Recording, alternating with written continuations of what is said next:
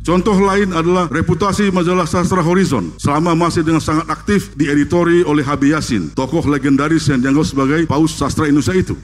Bagi para sastrawan Indonesia yang masih waras otaknya pada periode yang saya maksudkan, terutama pada tahun 1970-an, apalagi yang baru menulis sastra, dimuatnya karya di Horizon bisa dikatakan setara dengan memenangkan hadiah Nobel Sastra.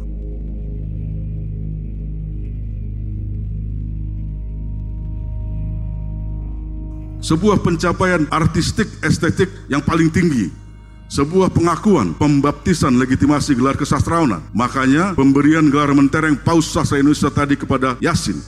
Selera HB Yasin menentukan bermutu tidaknya karya sastra Indonesia pada zamannya. Bisa dikatakan HB Yasin bukan cuma Paus Sastra Indonesia, tapi justru sastra Indonesia itu sendiri.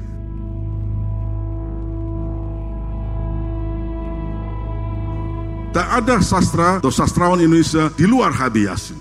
Hanya mereka yang menulis novel pop, cerpen pop, dan lirik lagu pop saja yang tidak peduli pada keangkeran nama Horizon dan Habib Yasinnya.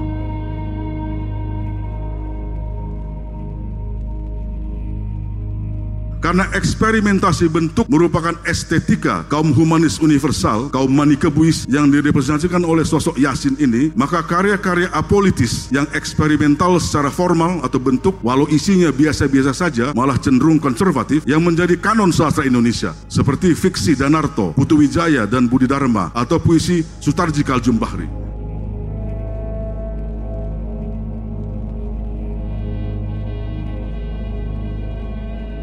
Karena dunia teater Indonesia sangat dipengaruhi sastra Indonesia, maka efek Yasinisme ini juga merebak ke teater Indonesia. Dan jadi kanon teater pula lah para sastrawan horizon seperti Putu Wijaya dan Arifin Senur maka sepilah sastra kita atau sangat minimlah sastra kita dari karya-karya yang tidak peduli pada eksperimentasi bentuk yaitu karya-karya yang mementingkan isi karya-karya yang terlibat dengan persoalan-persoalan sosial politik masyarakatnya. Maka tidak kenallah kebanyakan dari kita karya-karya para pengarang lekra misalnya para pengarang yang berbeda estetika berbeda ideologi sastra dari para pengarang horizon para pengarang manikebuis di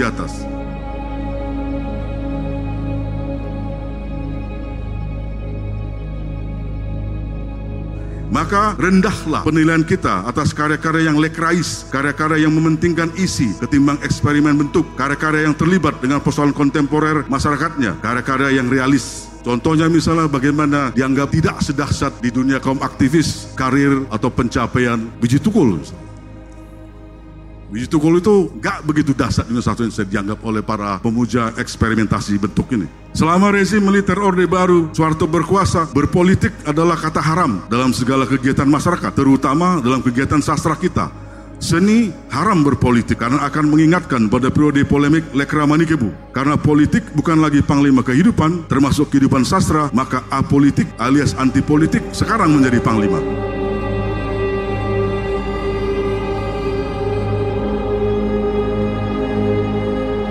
Dalam konteks sastra kita, bermain-main dengan eksperimen bentuk merupakan perwujudan paling ideal, paling tinggi dari konsep seni apolitis ini. Ketimbang melakukan seni untuk kehidupan, maka sastrawan Indonesia yang menjadi sastrawan horizon, yang menjadi kanon sastra, memilih ideologi berkesenian seni untuk seni, art for art sake. Dalam kata lain, estetisme adalah panglima.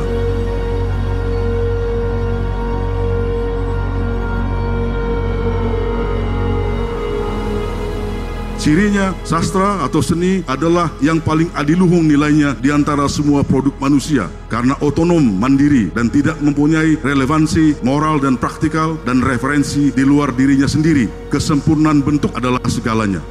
Inilah tradisi kritik sastra Indonesia selama rezim militer Orde Baru Soeharto berkuasa, selama rezim sastra apolitis Horizon Manikebuis berkuasa, Inilah zaman keemasan ideologi estetisisme dalam sejarah sastra Indonesia. Inilah ideologi politik kanon sastra Indonesia. Dan efeknya masih terus dengan kuat mencengkram isi kepala para sastrawan Indonesia sampai detik ini. Demikian, terima kasih.